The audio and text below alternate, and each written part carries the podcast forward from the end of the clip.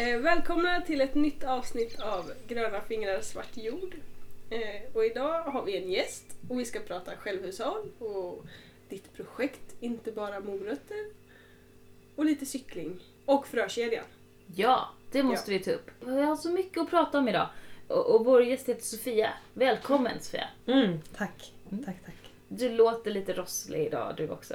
Ja, men det är faktiskt inte förkylning utan det är allergi. Jag har eh, haft problem med allergi och astma väldigt länge. Så, så att jag är lite hes och lite... Och det blir man när man har astma. Så. Mm. Mm. Kan du inte berätta lite om det? För du, eh, Ja, jag har ju, vi har ju hängt ihop ett tag lite till och från sådär. Vi har ju bland annat en, en blogg tillsammans som ligger lite vilande som heter Lantiscyklisterna. Eh, För du bodde här eh, utanför Tranås också tidigare. mm, det stämmer. Och redan då var det mycket snack om det här med allergi och hur besvärligt det var för dig. Mm. Jo, men jag flyttade från stan, från Linköping, ut till här utanför Tranås i Talryd. Ehm, för, vad blir det nu, kanske fem år sedan, fem, sex år sedan. Och eh, kände då när jag flyttade ut till landet att eh, det här med pollenallergi blev mycket svårare. Och att, att hålla på med självhushåll då, vilket var det som jag flyttade ut på landet för att göra, odla grönsaker och ha bin det blev väldigt, väldigt tufft. Ehm, och jag fattade inte det direkt. Utan det är lite som en, som en dold sjukdom. Jag bara märkte att jag blev om jag väldigt dåsig och Mm. trött. Jag kunde, om jag satte på ugnen för att konservera tomater kunde jag somna ifrån ugnen och, och vakna upp sen och bara oj, hjälp, vad hände här? Så man får så mycket koncentrationssvårigheter och minnesstörningar. Det påverkar hjärnan så mycket som inte jag så jag fattar liksom inte vad som pågick. Så. Och de här att man kan sova så mycket, att man kan sova flera dygn liksom, i sträck, att det inte är något problem. Liksom. Så det var en väldigt tuff tid. Så. Det låter helt galet ju. Mm. Att man blir så påverkad av något som inte syns. Eller liksom, ja det syns ju när det regnar att allting bara blir gult. Men Ja, precis. Det bara finns runt omkring en hela tiden. Ja. Precis. Är det Eh, allt pollen? Ja, eh, det är det. Björkpollen och gräspollen. Så säsongen blir väldigt lång också. Det blir Mm. från slutet av april till september. Liksom. Så det blir väldigt, eh, väldigt tufft. Liksom. Och då Ehm, kan inte du vara ute? Eller? Nej, först, först eh, fattade jag inte det här då. Så jag var ute som vanligt och höll på med bin och grönsaker och sådär. Men det gick ju väldigt dåligt. Mm. Ehm, så. Ehm, nu de två senaste somrarna så har jag eh, varit inomhus. Ehm, från maj till augusti så har jag hållit mig inomhus. Det enda, och jag har försökat det mesta inom självhushållet. Så. Jag har lagt grönsaksodlingen på hyllan, Mm. Vilket var väldigt jobbigt. Ja, det förstår Jag jag. tillbaka till att, från att ha haft fantastiska grönsaker till att köpa grönsaker i affären. Så det var svårt. Ehm, men biodlingen har jag kvar. För den behöver man inte vara ute så ofta på Mm. sommaren. Och när man är ute kan man ha på sig sån här pollenmask och ändå ha och den här biodlarslöjan så ser man ändå helt eh, som en, ut som en astronaut. Ja, just det. och så. Ehm, så det har jag kvar. Men inte så mycket mer. Mm, så.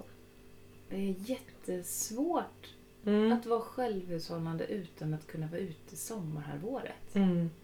Ja, det går ju inte egentligen. Nej, Nej. det är då allting växer. Ja. Det är då man är ute liksom. Och jag brinner ju för det här med självhushåll. Eh, Så. Och att eh, när världen ser ut som den den gör, eller det ohållbara i samhället och hur vi tär på resurserna och släpper ut massa koldioxid och allt, allt som är fel. Mm. Så tycker jag att självhushåll är en väldigt bra lösning. Att börja producera mer själv. Ja, men att det blir som en omställning till en mer hållbar livsstil och hållbara byar. Håll, hållbart, hållbart liv, hållbart Mm. Sverige. Liksom. Så då har jag valt att göra en liten annan ingång till självhushållning nu. Jag kan säga att just nu går jag en allergibehandling också på, på sjukhus. Sån Mm. allergivaccination. Jag ska inte gå in på den mer men det är ju mm, det är för folk som har svår allergi så att man kan bli bättre. Så att jag Mm. hoppas på att bli bättre senare så att jag ska kunna ta upp grönsaksodlingen igen. Det hoppas vi alla Mm. på. För, för det är pollen som gör dig sjuk. Det, Ja. det är inte mediciner som gör dig dålig. Nej, nej, det är inte. Nej, för jag har testat vara uppe, jag har jobbat två säsonger uppe i vinterfjällen på fjällstation under vintersäsongen. Mm. Och då har jag mått hur bra som helst. Märker du ingenting då nästan? Nej, ingenting. Då mår jag super. Mm, så snö är bra grejer. Du är fast i vintern. Så Ja, himla deppigt. Vad kan man odla i snö tänkte jag. Alltså, så jag Men det kyla. finns, det finns vissa saker som borde kunna växa. Ja. Eh, ganska okej Mm. Mm. kanske. Kanske. Kanske Det är någonting. härligt att vara ute och skörda grönkål på vintern. Ja, jo, men du måste fortfarande peta ner Mm. dem i jorden när det är sommarhalvåret. Mm. Mm. Mm. Mm. Men ditt Mm. projekt då? Inte bara morötter? Ja, exakt. Det är då ett, ett skriv och fotoprojekt, inte bara morötter, som handlar om självhushåll. Och det gör jag nu eh, från, ja, men från nu för en vecka sedan, nu i början av eh, oktober, till december. Så är jag ute på självhushållande gårdar, eller torp, i södra Sverige. Så just nu är jag här i Småland, utanför Tranås hos dig Matilda. Mm. Och, men eh, så kommer jag fortsätta ner i Sverige och eh, till Växjö ska jag sen nu och sen i, i Småland eh, och Skåne. Och det handlar då om självhushåll eh, och kanske en annan bild av självhushåll än den som ges i Ja men säg Mandelmans trädgårdar, är det ganska många som känner till. Eller det. Underbara Klara, det här eh, bilden eller visionen om det fantastiska livet på landet. Det Mm. natursköra och drömska och Exakt. problemfria och enkla. Mm. Husmoderliga. Mm. Mm. Mm. Exakt. En annan bild är den. De kanske svåra bilderna av självhushållning, svåra sidorna, svåra aspekterna. Mm. Eh, varför det är tufft ibland att liksom, på ett sätt stå med två ben i två olika paradigm. Att stå i eh, dels det nya, det framväxande. För det finns jättemycket självhushåll i Sverige. Jättemycket gårdar, jättemycket folk som strävar efter det här hållbara, det här nya. Mm. Det är jättemycket. Men att det står i det. Eh, och sen också stå med ett ben i det gamla paradigmet. Som är det här, ja men tjäna pengar, ha lönejobb, vara med, de- del av samhället. Mm. Göra sånt som andra personer gör. Åka på skidsemester. Eller åka på resor över, överhuvudtaget. Eller, ja, men det här Vara som, normal liksom. vara normal. Mm. Att det är svårt. Mm. Och då ofta blir det pendlingar mellan de här två. Ibland står man med ena benet mer i samhället och mer i lönearbete och mer i eh, åka på semesterresor och konsumera massa. Men ibland står man lite mer i självhushåll och eh, leva hållbart.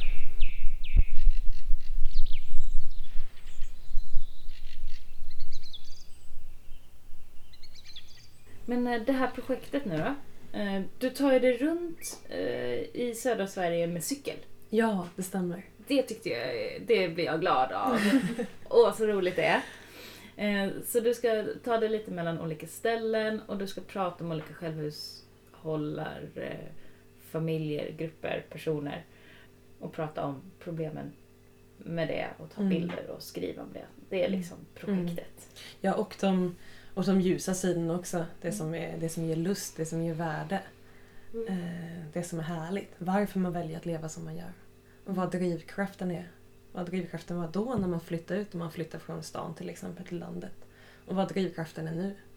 Just nu när man flyttade ut kanske det var så att man, ja, man kände som stor oro över världen och gjorde det här på grund av ideologiska skäl. Idag kanske det är så att man gör det bara för att man tycker det är härligt. Man, det ger så mycket mer att eh, odla sina egna grönsaker och producera själv. Du har inte varit ute så länge än. Nej. Nej. Men har du redan nu upptäckt något som du inte eh, visste om tidigare? Bra fråga. Jag tänker, det Ja. här blir en resa för dig också. Mm. Alltså i, absolut. i ditt eh, förhållningssätt eller dina tankar om självhushåll. Det är en väldigt stark intention för mig att göra det här eh, utforskandet själv. Det är, oavsett om vad folk tycker om det här så gör jag det för min egen skull. För att utforska Mhm. det här för det tycker jag är så himla viktigt, den här frågan. Ehm, Men det varit väldigt kul nu. Jag har intervjuat tre personer, tre olika, eh, på tre olika platser. En gård utanför Eskilstuna, en gård utanför Finspång och en gård nu eh, utanför Borensberg i Östergötland. Och de tre har haft tre helt olika synsätt på vad, om de är självhushållare överhuvudtaget. Det här begreppet självhushållning, vad är det för något? Mm. Den första personen kändes inte som en självhushållare. Men han var självförsörjande på grönsaker året om. Mm. Eh, Han hade ett andelsjordbruk, Mylla heter det och ligger i Näshulta Mm. Utanför Eskilstuna. Daniel Larsson. Han är självförsörjande på grönsaker, har biodling och gör mycket av det som en liksom, självhushållare gör. Kan man säga. Den här hipsterbilden av självhushållare, det, Mm. den lever han. Absolut. Men eh, tituleras inte inom det facket. Liksom. Absolut. Men, Han skulle kalla sig grönsaksodlare. ja, jag tänkte Mm. precis det. Är det för att han, han säljer så mycket? Att han liksom han äter en del av det han producerar men det är inte hans huvudsakliga uppgift att producera mat till sig själv utan det är att producera till andra andelstagare. Ja, kanske. Det är, ett, eh, det är nog ett skäl. Ett annat skäl kan vara att eh, drivkraften i det han gör nu är an- annorlunda. När han flyttade ut så var det just att han, eh, sam, att han kände så stor oro och frustration över samhället och över det ohållbara, ohållbara i hur vi lever. Mm. Just nu är drivkraften det han gör att han tycker det är så roligt. Han, det passar honom så bra som person att odla morötter. Mm. Att vara sin egen chef och att, eh, att odla allting annat också såklart. Men odla grönsaker. Och sen var jag på en gård utanför Finspång Mm. och träffade Isabelle Nilsson eh, som bor där eh, med sin kille och hennes familj eh, sen flera år tillbaks. Och hon kallar sig för självhushållare och har odling och biodling och kalkoner och höns och kaniner. Mm. Så. Mysigt det låter. Mm. Mm. Mm. Eh, och sen senast så var jag på en gård utanför Borensberg. Örbäck heter den. Mm. Och där känner sig personen som pratade med Petra Jakiewicz känner sig som en misslyckad självhushållare. Mhm. Och det kan man också känna sig som. Mm. Om man flyttar ut från eh, staden till landet och har väldigt höga ambitioner. Och ställer mycket krav på sig själv. Mm. Och sen lyckas, hon beskriver det som att hon inte lyckas förena lönearbete med det här självhushållarlivet. Att de här två världarna som hon vill befinna sig i båda. Hon vill åka på skidsemester med barnen Mm. och semester till Grekland och Finland och hon har släktingar.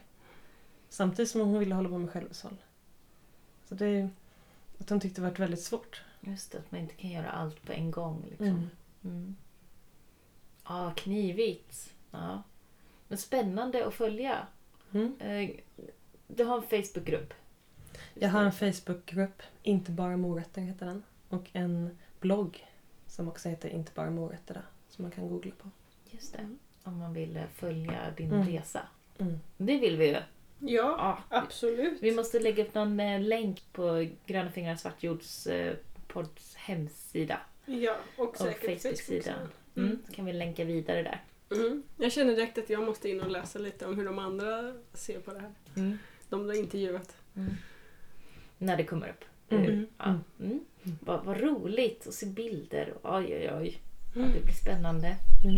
Mm.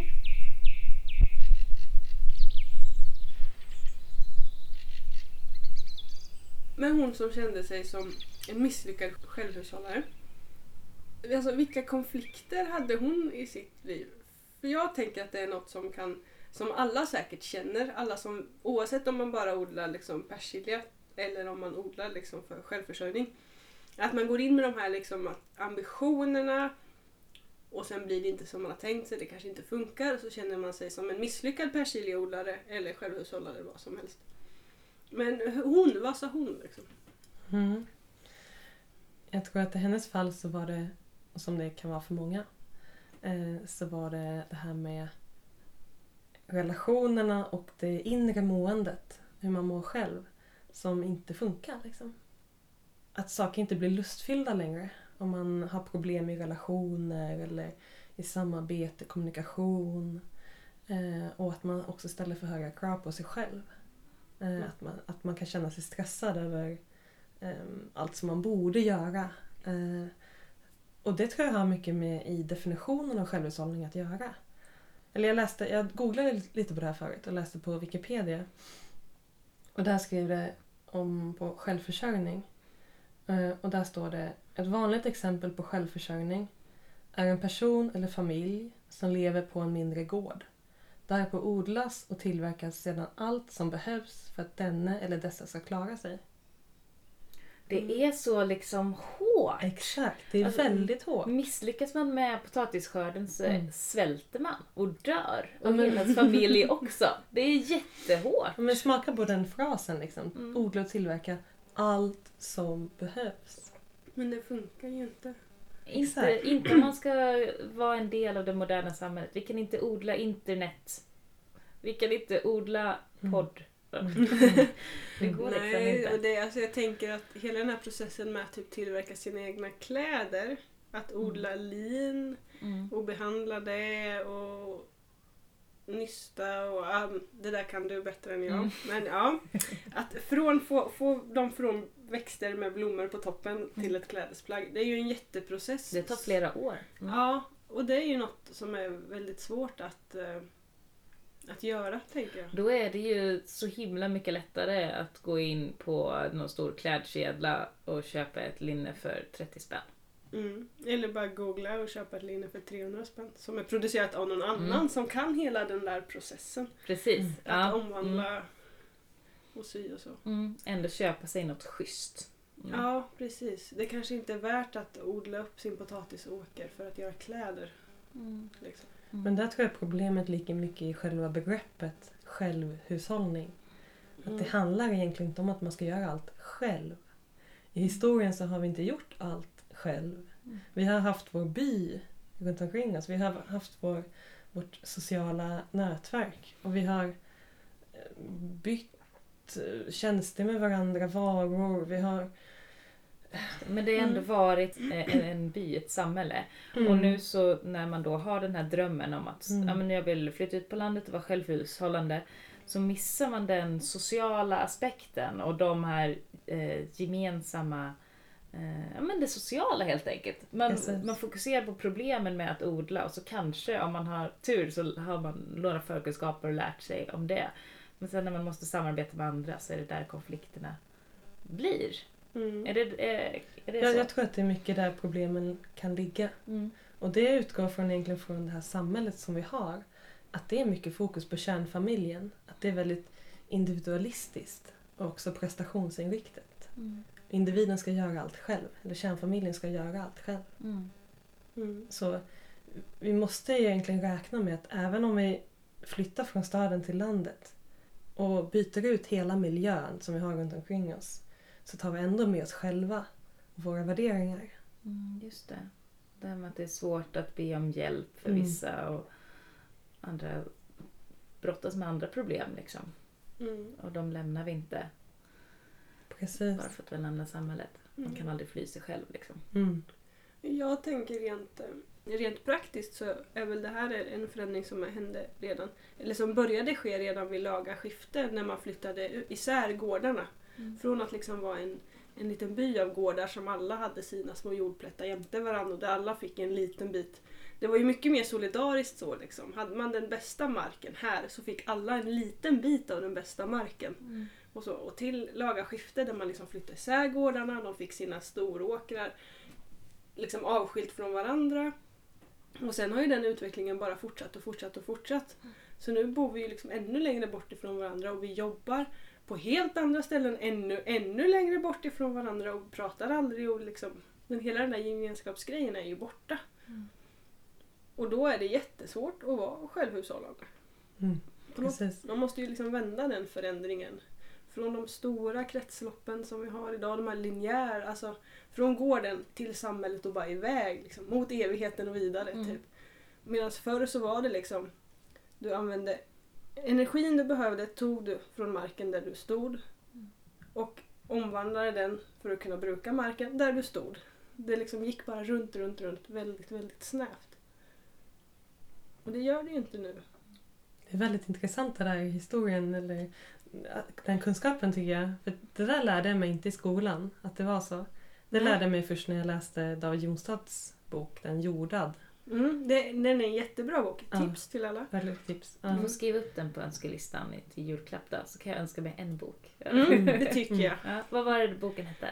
Eh, Jordad av David Jonstad. Just det. Han har även skrivit en bok som heter Kollaps och Vår beskärda del. ja, jag tror det. Heter den. Mm. De hamnar på önskelistan. Ja. Men det är intressant hur det verkligen var en att makten ovanifrån gjorde en sån liksom komplott mot eh, det vanliga folket i byarna när de gjorde det här skiftet. Mm. Eh, Att det var för att men ni ska producera mindre, ni ska ha mindre självhushållning. Mm. Det så här centralisering och med Exakt. makten och allt sånt där. Det Mm. handlar ju liksom enbart egentligen av ekonomiska intressen från högre ort som har liksom förändrat hela samhället.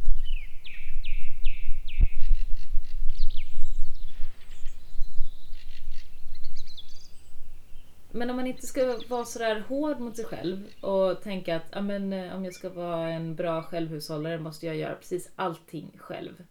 Eftersom att jag inte har en by då som kan stötta upp mig som eh, det kanske har funnits då tidigare generationer. Finns det något annat sätt att inte bli misslyckad? Mm. Bra, det, bra fråga. ja, finns det några Mm. andra liksom, rätta tolkningar Mm. på begreppet självhushåll? Man kan ju tänka på, när, när jag sök, sökte lite på Google då, Google är väldigt bra för att få fram definitioner. Jag fick en annan definition här och det är att självhushåll är produktion av livsmedel för eget behov.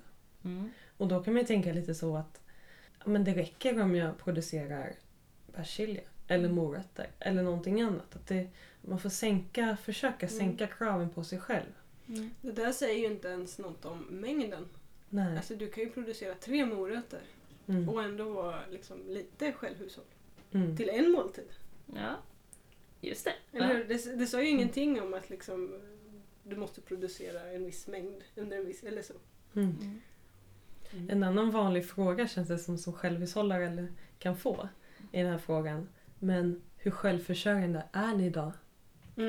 Mm. Mm, det känner ni Hur många gånger Ja. har inte vi frågat varandra? Ja, så, och så ska man sätta någon procentsats på det. Exakt. Liksom, Är det 23,2 procent Mm. är det just nu. Ja. Men jag Mm. håller på att ha en målbild om att öka till 37,8 Mm. inom det närmsta halvåret. Vi får se hur min eh, tidsbudget ser ut. Ja. Ungefär så känns det som. Jag tycker det är så mycket som är knasigt i den, i den frågan. Liksom, I själva, själva frågan. Liksom, att det går att mäta. Liksom, att det är vad som är självförsörjning. Och Det är vad, väl vad som ska man vara självförsörjande i. Det är det här ordet, att själv, alltså själva ordet själv Mm. i självhushållet. Absolut. som, som spökar. Att det är som någon slags ensam är stark grej. Fast det är ju inte så. Och det spökar i att vi måste då klara allting själva. Vilket vi inte gör. Ah. Men som, om man ska återgå till till exempel Daniel Larsson då, utanför Eskilstuna. Han testade på lite olika eh, saker inom självhushållning. Men sen valde det som han tyckte var roligast.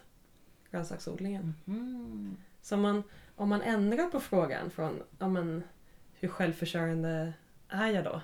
Till att ställa sig frågorna typ vad av det som finns på platsen jag bor på tycker jag är roligt att göra om till mat som läggs på tallriken? Just det.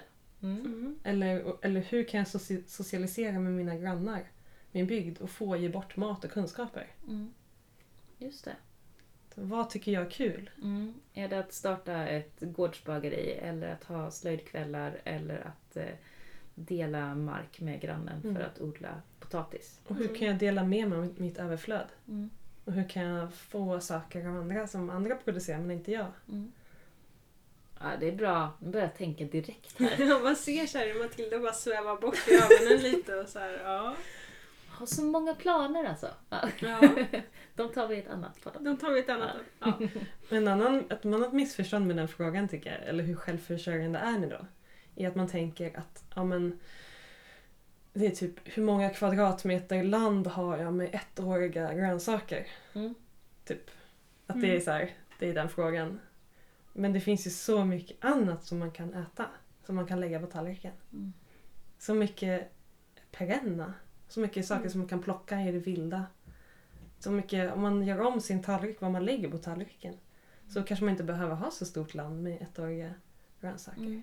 Ja, och det säger ju väldigt lite om eh, hur, mycket man, hur mycket mat man ändå får. Mm. För det, det har ju vi pratat om en del under den här poddresan vi har gjort. Att ja, men jag odlar på ungefär 300 kvadrat och du har vad, 45?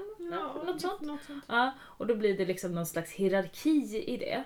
Men jag tror inte att jag får fram sex gånger mer mat än vad du gör Mimmi.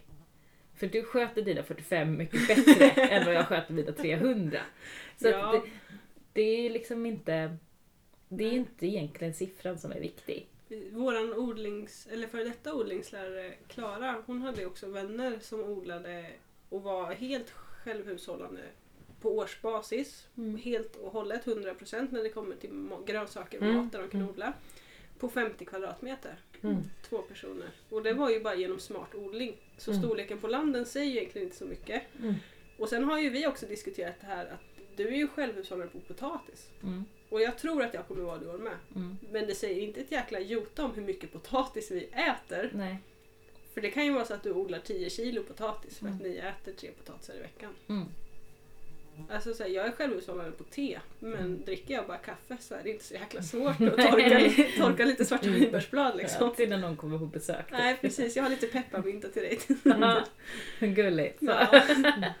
Så att det, det ligger också liksom... Det går ju inte att, att jämföra eller liksom... Jag vet inte, det går ju inte att värdera det där begreppet på något sätt då. För att Mm. det beror ju helt och hållet på liksom, Mm. hur, hur, vad man själv har för ingångspunkt och, och vart man lägger ribban och var, hur man äter. Och, ja. Ja, men oavsett hur stort land man har så blir det liksom inte så mycket att äta, eh, lägga på tallriken under vintern. Om man eh, ja, men lagom till skörden har tappat lusten med odling. Eller man inte vet hur man ska ta hand om allt som kommer fram ur landet. Man har inte den kunskapen. Mm. Eller det är inte roligt med, med skörden. Mm. Eller man tar inte hand om eller äter det som finns gratis runt omkring en i form av parenter. och så.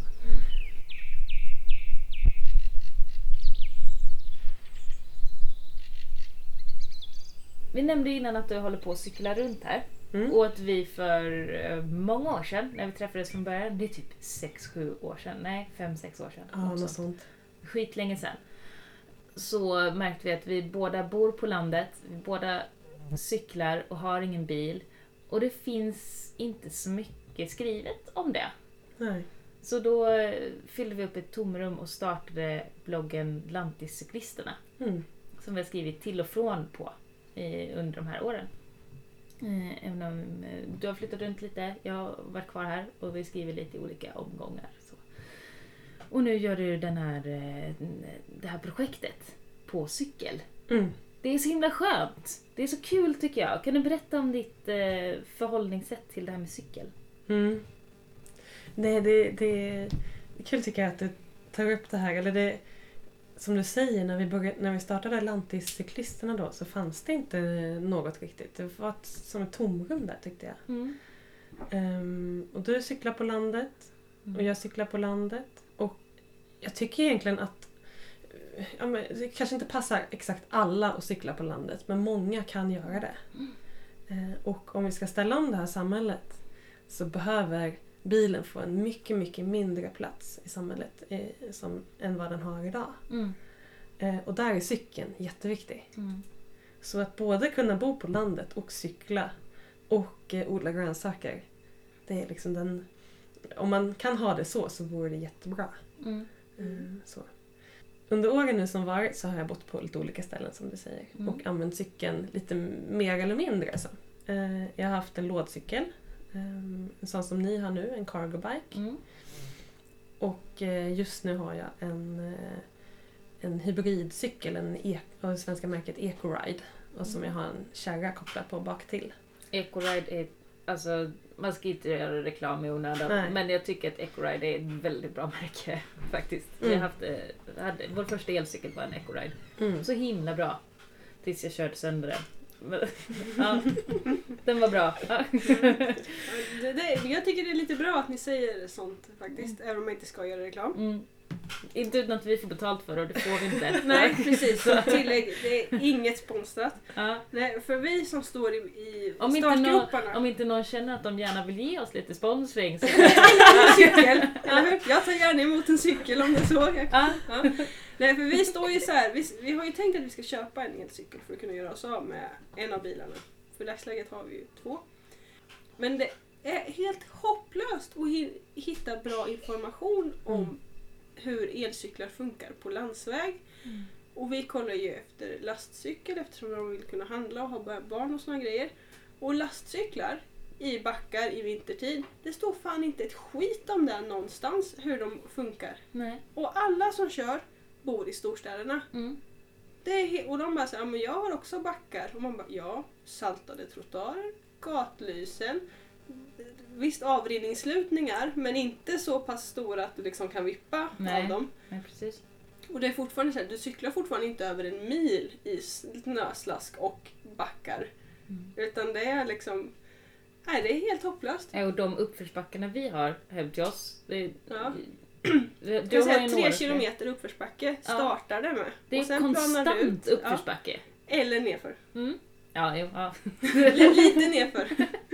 Ja. Jag har, jag, när jag cyklade till jobbet, när jag fortfarande jobbade, eh, så slog jag på GPS så att den reggade eh, hur, hur terrängen såg ut. Höjdmeterna liksom. Höjdmeterna av terrängen och den går ju verkligen, det är som en så här hjärtkurva typ. Liksom så här upp, upp, upp, upp, ner och sen är det lite upp och sen är det jättemycket ner och sen upp, upp, upp, upp, upp och ner igen. Mm. Liksom. Upp och ner, upp och ner. Och det är så här att hitta information om vilken cykel man ska satsa på och köpa, vilken som är värd att köpa. Det är jättesvårt och de Mm. skiljer sig jättemycket. Jag har ju kört Ja. sönder rätt många cyklar nu genom året. Och det är sån skillnad på, alltså generellt sett då, billiga skitmärken och sen så lägger man lite extra pengar på det så får man faktiskt ut något för det. Eh, Det är den erfarenhet jag har Mm. av det. Sen är man så snål för att det kan vara dyrt att köpa cyklar. Inte kanske om man jämför med bil då, men det gör ju folk fortfarande inte. Och ehm, Särskilt då om man vill ha elcyklar. Då kostar det mer. Så nu är det ju ett nytt förslag. Som kommer gå igenom eh, förhoppningsvis i eh, budgeten från Har det regeringen. inte gått igenom? Jag hoppas att det har gått igenom. Jag, det har varit mycket snack om det så då tänker jag att det har gått Men jag igenom. tror att det har gått igenom. Det har det? Ja men vad skönt. Ja vad bra. Jag- Det är så många som skulle kunna sätta käppar i hjulet för ett sånt förslag annars. Ja. Eh, Men att man kan få tillbaka 25% av inköpsvärdet. Du- Ja, 25% av inköpsvärdet för elcykel upp till 10 000 kronor. Så köper man en cykel för över 40 000, då får man ändå max 10 000 tillbaka. Mm.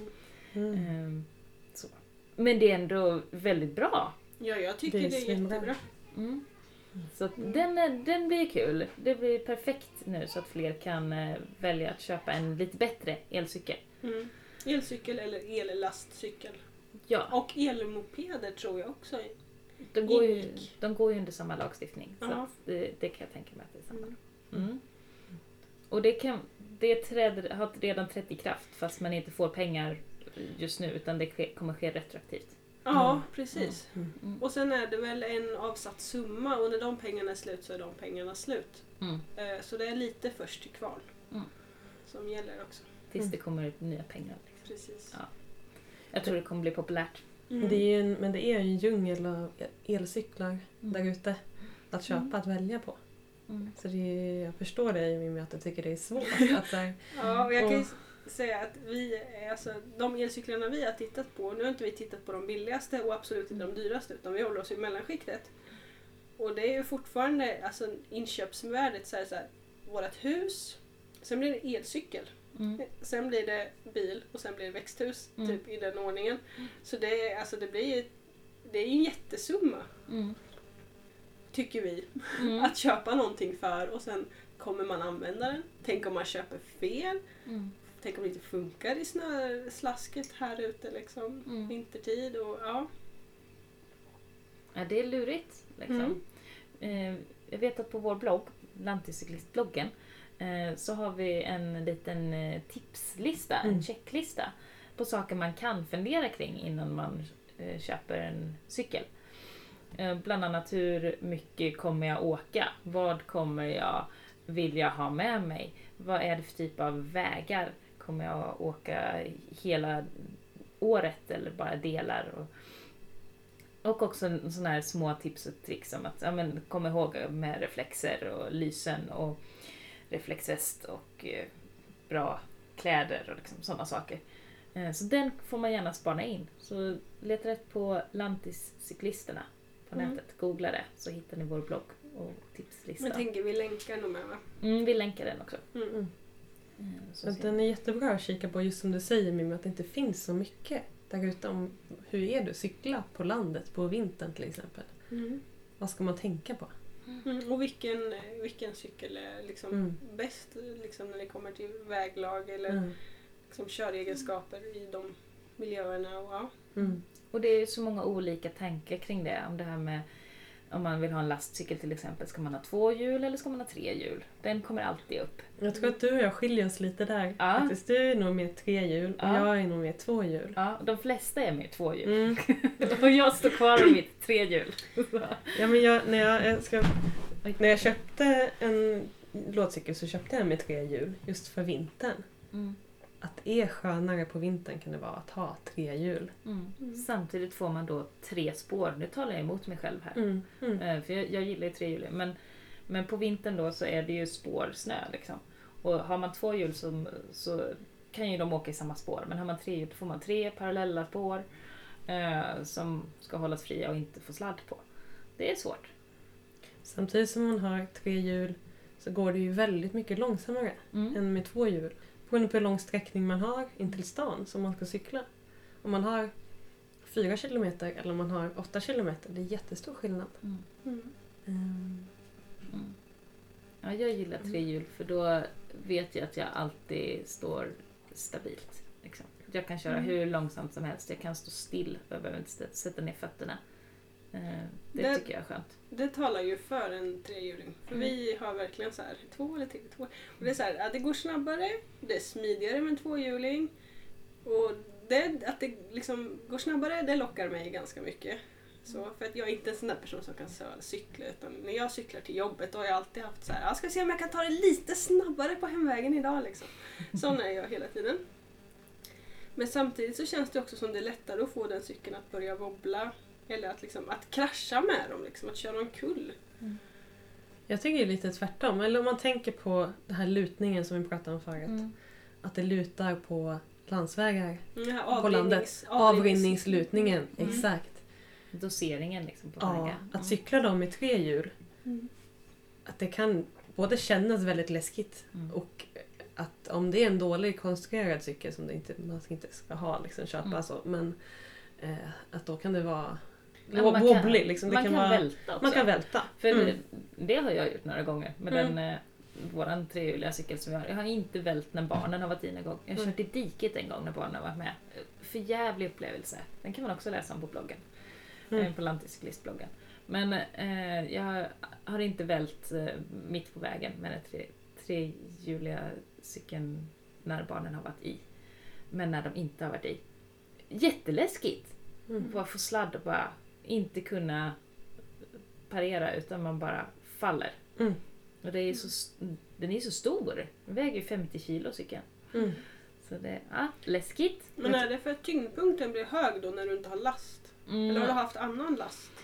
Jag tror att, att jag har trillat när jag inte har haft barn i. Både för att då, ja, men cykeln blir lättare när inte ungarna är med men också att jag kanske inte kör lika försiktigt. Mhm. när jag åker själv på cykeln. Så, som när ungarna är med. Då så tar jag inte gör de här chansningarna att ja, men jag kan nog hålla lite högre fart i den här kurvan. Mm. Ja, det, det gör jag inte med Nej. ungarna. Ehm, För man det är bra. tänker att det borde ju vara samma princip som med alla andra fordon, att ju högre däcktryck ju bättre grepp. Mm, Vilket gör att ju mer du lastar i din cykel desto stadigare kör den. Mm. Precis, så det, det är nog det också. De har ju varit relativt tomma. Jag tror jag liksom varit ner och släng, skulle ner och slänga skräp någon gång. Ehm, och då är det ju Ja, det är ju, den, lådan är ju välfylld med grejer men det är ju ingen vikt egentligen. Det är ju tomma plastförpackningar och papp och sånt. Mm. Ehm, som hamnar över hela vägbanan. Mm. Bättre det än höns. ja, Ja, precis. Ja, säga. det vore tråkigt. Ja, läste ni inte om den olyckan? Det var ju en lastbil, en hönsbil som tappade höns utan Ja. att märka det ju. Oj! Oj, nej inte utan att märka det. Utan att märka Oj, det. bara- Det bara låg höns, hönsburar och höns och skadade höns. nej. Döda höns, höns överallt. Men det fanns ingen chaufför, ingen lastbil, ingenting. Så det verkar som att de bara hade tappat dem. Det är flera mil liksom. Jag vet inte hur lång sträcka var men det var väl eh, om det var hundra burar eller tusen djur eller något sånt där. Åh. Usch. Läskigt. Ja, det har Ja. jag inte gjort någon gång. Nej, Nej. stackars djur. Då kände jag så här, nej, nej. Kan inte köpa sånt där kött, sådana där ägg. Nej, Mm. det går inte. Nej, det går inte. Också en anledning att hålla på med självhushåll. Mm. Att Mm. eh, inte stödja en eh, vidrig industri. Precis.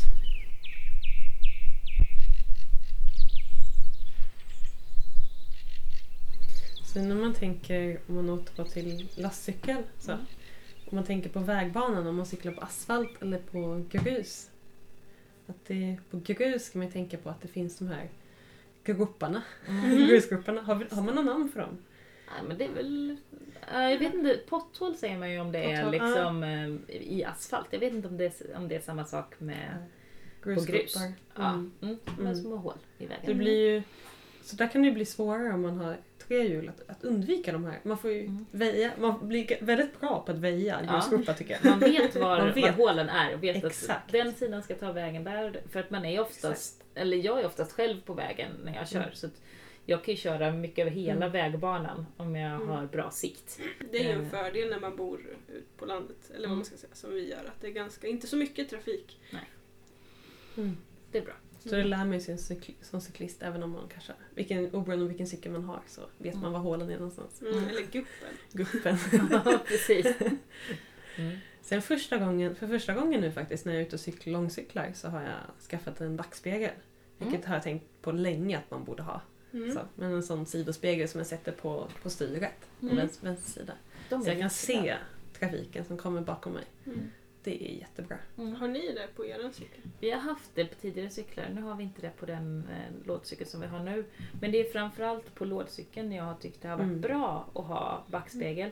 För att eh, om man vänder sig om, så oavsett om man vill eller inte så följer ju liksom armarna med lite grann. Man blir bättre och bättre på att bara vrida på huvudet. Men vrider jag på lådcykeln, då, alltså då, jag svänger ju så Mm. direkt. Och det vill jag inte göra med Med den Med den. dyrbara lasten. Nej, precis. Det är lite värre med det. Mm. Den är inte lika lättmanövrerad så. Så då är det bra med en backspegel. Mm. Och lite kul också. Mm, mm.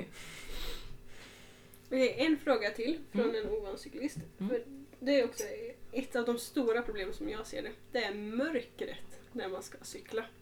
Total fucking darkness Mm. är det. Det, svår, det svåraste mörkret är det här novemberdiset tycker jag. Ja, Ah. och då är man inte van heller. Nej. Alltså det är ju lika mörkt i november som i februari typ. Men, men eh, man är inte van. Så det är nu på hösten det är som jävligast. Mm. Men det här diset när, liksom, när bilarna inte kan på, ha på helljus för då bländar de sig själva. Liksom. Mm. Mm. Hur, ska man, hur ska man synas då och hur ska Mm. man se någonting? Ja, för det handlar verkligen om både att se Ja. själv Mm. och att synas. Den är jätteviktig för att inte bli påkörd. Absolut. Så det, reflexväst måste. Liksom. Mm. Starka Alltid. lampor. På dagen också, reflexväst. Alltid reflexväst. Mm. Jag är dålig på att ha reflexväst på dagen. Jag borde vara bättre på det. Jag har knallrosa jacka. Mm. Så. Ja, men det kan vara okej. Ja. Ja. Jag jag skyller på det. Jag borde ha reflexväst också. Så dåligt av mig. Men, ja. Men, eh, Men inne i stan så behöver man liksom bara ha en liten så här jättelitet lyse som man sätter på från Biltema. Liksom. Ja, eller så här reflexer på hjulen. Bara Ja. så någonting syns. Men det funkar inte på landet. Nej, vi måste ha mycket mer, både fram och Ja. bak. Så jag och Jon har ju skaffat eh, extra lampor vi har köpt på Ebay. Eh, som är så starka så att de kan blända bilarna. Mm. liksom. Det tänkte jag var en av de första grejerna jag tänkte. För när det gäller cykelmörker, mitt största bekymmer, Mm. det är de eventuella monstren som kan finnas. Mm. Alltså ren mörkerrädsla. Ah, Mm. Så. Men då tänkte vi, för det går ju att köpa såna här LED-ramper som, som extra ljus till bilar. Mm. Som är liksom som en liten, Som en liten list typ. ja en list, 70 cm eller 50 och sådär kanske den är Mhm. liksom. Och vi tänkte, ja men en sån fram på lådan. Liksom. Det är väl jättebra så kan man bara lysa upp hela, hela universum känns det som Mm. nästan då. Ja. Men du måste se till att du inte bländar bilarna också. Ja, man, För då ja. ser ju alltså, Du vill inte att de kör i diket för att du bländar. Nej, då måste man göra någon lösning som man kan Mm. blända av och på den där Ja, liksom. Och har en liten knapp. Mm. Ja, precis. Jag har sån lampa som är icke-bländande. Det finns, Mm. I Tyskland så producerar de väldigt mycket bra cykellampor. Mhm. Och där har de en lag också att eh, cykellysen som är en viss eh, lumen, en sån viss eh, ljusstyrka, inte får vara bländande. Så de har en sån standard. Hur funkar den då? Är den alltid riktad åt håll? Ja exakt, det är lite så. Tänk dig ljus, eller bilarnas ljus. Mm. He, hel, eller halvljus. Mm. Då, de bländar ju aldrig liksom. Men det är för att de är riktade ner mot vägbanan och mer, inte som en eh, konisk ljusstråle Mm. utan mer som utspritt över vägbanan. Mm. Samma sätt är det med cykellyserna. Mhm. Eh, Så den, eh, mitt cykellyse lyser upp hela vägbanan och väldigt långt. Mm. Men Inte högt bländar liksom. inte.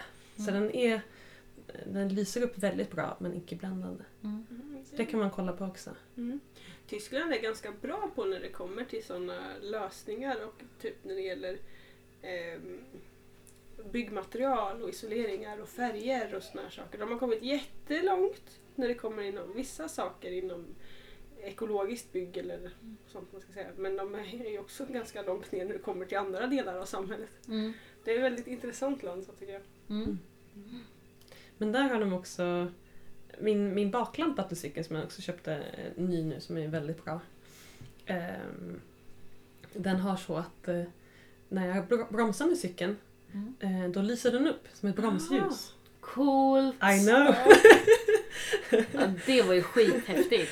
Shit, Och om jag, alltså. om jag kommer ihåg rätt så har de det som på elcyklar i Tyskland som har en viss hastighet som måste ha det här bromsljuset.